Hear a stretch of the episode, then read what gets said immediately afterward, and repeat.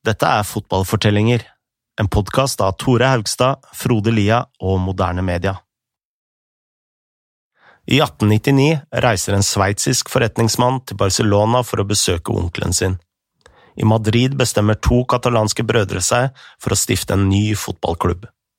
Disse to hendelsene skal legge grunnlaget for et av fotballens største og mest politiske hatoppgjør. De første 30 årene av denne rivaliseringen byr på en illsint statsminister, en semifinale som blir spilt i hestemøkk, og en president som tar selvmord. Velkommen til historien om El Clásico.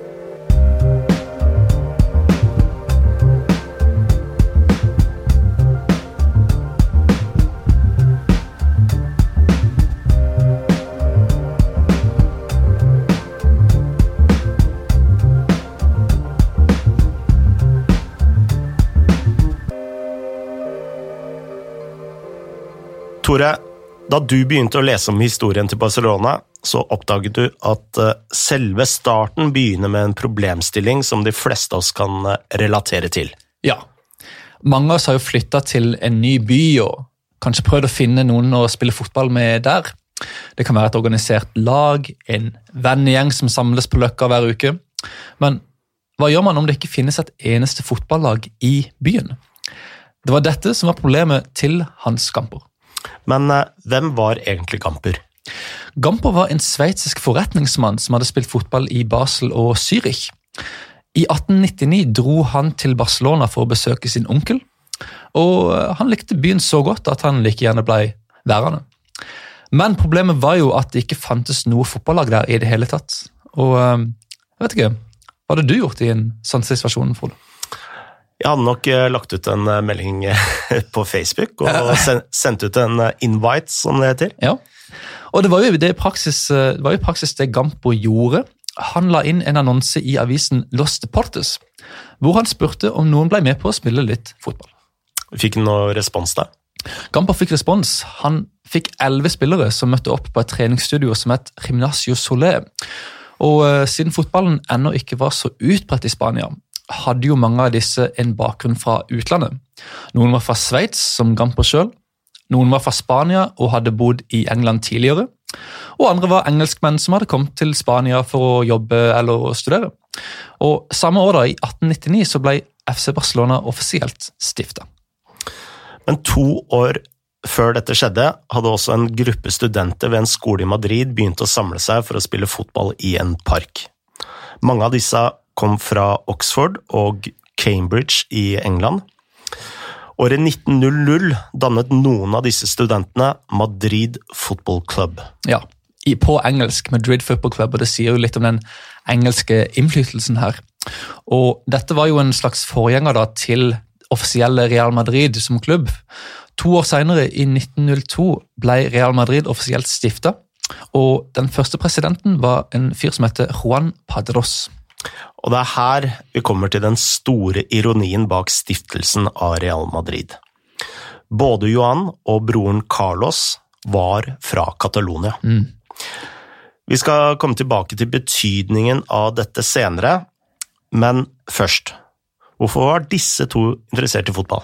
Nei, dette var jo ikke engelske navn i, i det hele tatt. Og, men vi finner jo da igjen en link til England. Familien til disse to drev med importering av tekstiler. Og I den anledning så dro faren ofte til England for å se på varer. Noe som på indirekte vis gjorde at brødrene lærte seg om fotball. Du har jo lest uh, om disse brødrene, Tore, men uh, vi har jo også lyst til å gå enda mer i dybden. Så vi har tatt en prat med Sid Lowe. Hvis vi snakker om uh, den engelske delen av pressen, så vil jeg si at noe av det beste som har blitt skrevet om La Liga de siste 15 årene, kommer fra Sid. Ja, utrolig dyktig fyr, Sid. Um, han har jo også skrevet Fair and Loathing in La Liga, en bok om Real Madrid og Barcelona, som vi har brukt veldig mye i da vi planla denne sesongen. Um, vi spurte Sid om hva han syntes om at to katalanere grunnla Real Madrid. It's extremely ironic. You know, this is a club, Real Madrid, that has become a symbol of Spanishness in many ways. Now, there are a lot of people at Real Madrid who probably wouldn't necessarily appreciate being seen as that, but a, a club that became kind of a symbol of, of Spanishness, a club that is, is synonymous not just because of its name, but I think also because of what it represents with the city of Madrid. And here are two Catalan brothers who own a, a textile shop on Calle Alcalá, right in the very, very centre uh, of Madrid. I mean, we're talking mm, two minute walk from from Sol, not even that. Um, who, because obviously, and this is another thing that's worth pointing out here, and this is true of Barcelona as well, by the way, that the the social class that, that drives Barcelona to begin with, at least, is people involved in textiles. You know, this is the this is the growth industry in Barcelona, and it's people involved in textiles in owning and building and running companies rather than those in, working in the factories that make textiles. And in a way, this can be seen as, as certain parallels even with Manchester, which, of course, the, the Industrial Revolution in Manchester was partly pushed by the emergence of, of, of textile industries. Now, the, this is this is a very typically, and I would actually argue probably slightly stereotypically Catalan profession the, the, textile industry. And here you have these two these two brothers whose father has set them up in business that have this shop, which I think, if I remember right, is called El Capricho on on on Alcalá, and that's the kind of the beginning of this. And of course, there's a huge irony there. And I've spoken to the uh, let me try and get this right. Well, uh, his name was Javier, and I think he was the great grandson of the one of the Padros brothers, I think Carlos, but I'm not sure. It might have been it might have been Joan, but I think it was Carlos. And he talked about how he felt it had taken a while for Real Madrid to really embrace this part of the, their history. I think in a way they still haven't, but I think I don't think that's entirely fair because I think they recognise these two as their presidents, uh, as their first presidents, and you know, as or rather as the founders of the club. They, I think, it took a while possibly to for them to really push this, but I don't necessarily think it was as as, as much and hide it as, as has sometimes been assumed. And certainly there was a glee in Catalonia, I think back in 95, 96, roughly around about then, when this kind of became a story. Look, here's these two Catalan brothers. Um, but but I, I don't necessarily think that this was a kind of a deliberately disguised part of their history. And I think while Madrid have started, you know, Madrid have started to talk about them, obviously what they're not going to do is make a big thing about the fact they're Catalans. It's, it is a matter of fact, but it's not necessarily something to, to go shouting about. Innen slutten av året 1900 er altså Real Madrid og Barcelona stiftet. Hvor gode var de i starten, eh, Tore? Var det slik at de i praksis eh, byttet på å vinne La Liga? Nei, faktisk eh, fantes ikke La Liga på den tida. Den store turneringa på starten av århundret var den nasjonale cupen. Og det var faktisk Real Madrid som sto bak denne. I 1902 foreslo de en turnering til ære for kong Alfonso den 13. Og året etter fikk denne navnet Copa del Rey, som betyr kongens cup. Og Var det den eneste turneringen lagene spilte på den tiden? Nei, det, det fantes regionale ligaer eh, helt fra starten av. Og Det er jo naturlig, sant? du spiller mot de som er i nærområdet. Barcelona spilte mot lag fra Catalonia. Real Madrid møtte lag fra sentralt i Spania. Vinneren av disse ja, jeg tror det var de fire største regionale ligaene i Spania møttes i Copa del Rey. Først i en semifinale, og så en finale. Jeg har lest at eh, Real Madrid og Barcelona møttes i den aller første utgaven i 1902. Ja, de møttes i semifinalen, hvor Barcelona vant 3-1. Og uh, Forholdene var jo ikke like storslåtte som de er nå. Kampen ble holdt på Hippodromen i Madrid, en arena som vanligvis blir brukt til hesteløp. Så du kan jo tenke deg, altså, banen var jo full av møkk. Ja, lukta sikkert veldig, veldig godt. Visstnok skal rivaliseringen ha vært intens fra første stund. Den katalanske avisen Los Deportes skrev at hjemmepublikummet applauderte når Barcelona-spillerne falt over ende, og når Real Madrid skåret. Og hvem var dommeren, Tore? Dommeren var Carlos Padros, en av de to katalanske brødrene som vi akkurat har snakka om. Det betyr at uh, tidenes første klassiko ble dømt av presidenten til Real Madrid? ja, en moderne versjon av dette ville jo vært om Florentino Perez skulle løpt rundt med fløyta i munnen på Santiago Bernabeu og gitt straffer mot Barcelona i øst og vest. Jeg tipper det hadde skapt litt uh, reaksjoner, ja. Barcelona slår Real Madrid i tidenes første klassiko, men taper finalen av Copa del Rey mot klubb Biscaya, en forgjenger av Athletic Bilbao. I 1903 vinner klubb Biscaya igjen. Derfor anses altså Athletic som Spanias første nasjonale mester. Ja, og for Barcelona var dette starten på en tung periode. Innen 1908 hadde de ennå ikke vunnet Copa del Rey. De hadde heller ingen fast bane å spille på. Faktisk så var økonomien så rotete at de holdt på å gå konkurs. Og de 38 medlemmene av klubben var faktisk frista til å legge ned hele greia. Hvor var eh, Johan Gamper midt oppi alt dette her? Gamper var faktisk ikke president i sin egen klubb, men i 1908 holdt Barcelona et krisemøte på gode gamle Gimnasio Soler, hvor alt hadde starta. Der var Gamper til stede, og han sverga på at han skulle redde klubben. Hva gjorde han da? Han tok over som president sjøl. Og da ble det andre boller. Ja. Året etter det flytta Barcelona inn på et nytt stadion, Camp de la Industria, med plass til 6000 tilskuere. Inntektene begynte å strømme inn, da eh, hovedsakelig i form av billettinntekter. Antallet medlemmer økte, og mellom 1910 og 1914 vant Barcelona Copa del Rey tre ganger. Så, i 1917, ansatte de Jack Greenwell, klubbens første profesjonelle trener. Ja, og Nå begynte jo Barcelona virkelig å vokse som klubb. Omtrent på samme tidspunkt fikk de sin største stjernespiller da, i form av Paulino Alcantara. Og uh, Paulino var mytisk. Han var en gutt født i Filippinene som debuterte allerede som 15-åring.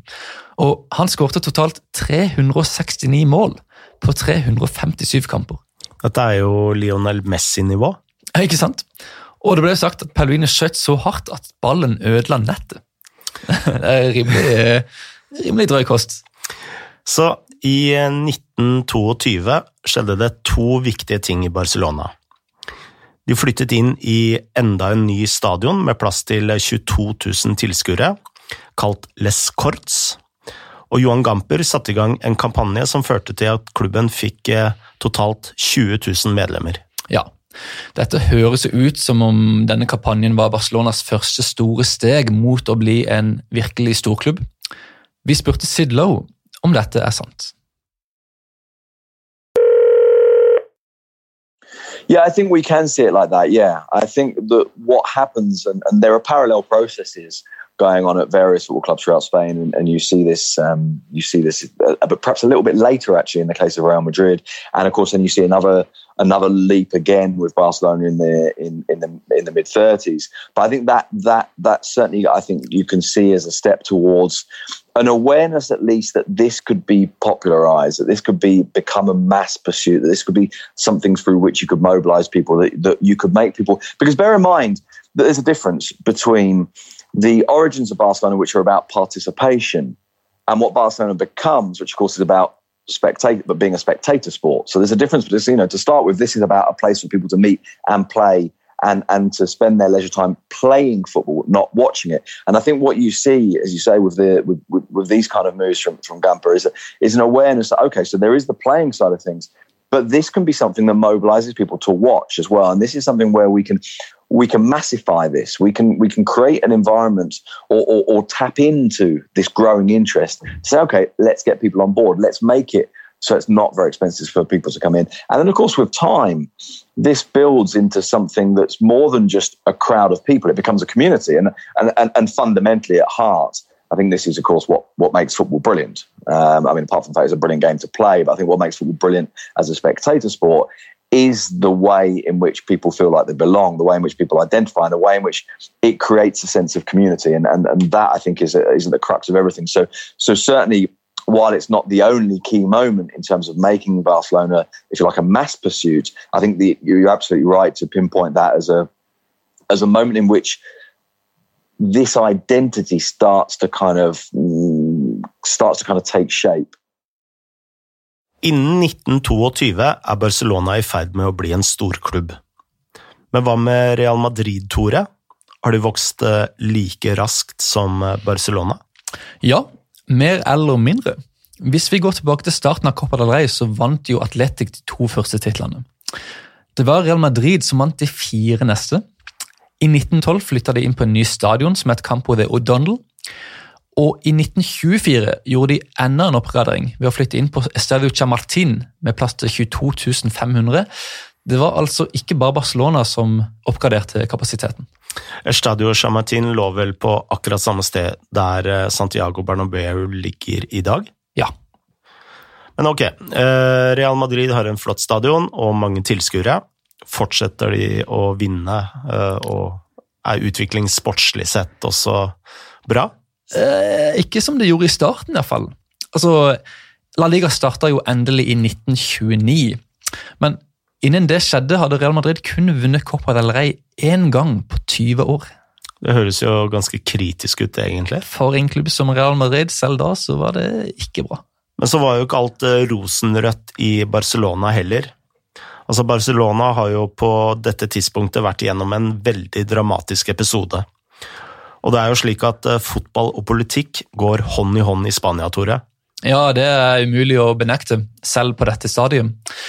Da Gampo holdt på å gjøre Barcelona til en storklubb, ble Spania styrt av en statsminister med en eh, ja, la oss si diktatorisk lederstil som het Miguel Primo de Rivera. Allerede nå hadde Catalonia et ønske om å rive seg løs fra Spania og bli en selvstendig stat. Og Di Rivera var sterkt mot dette.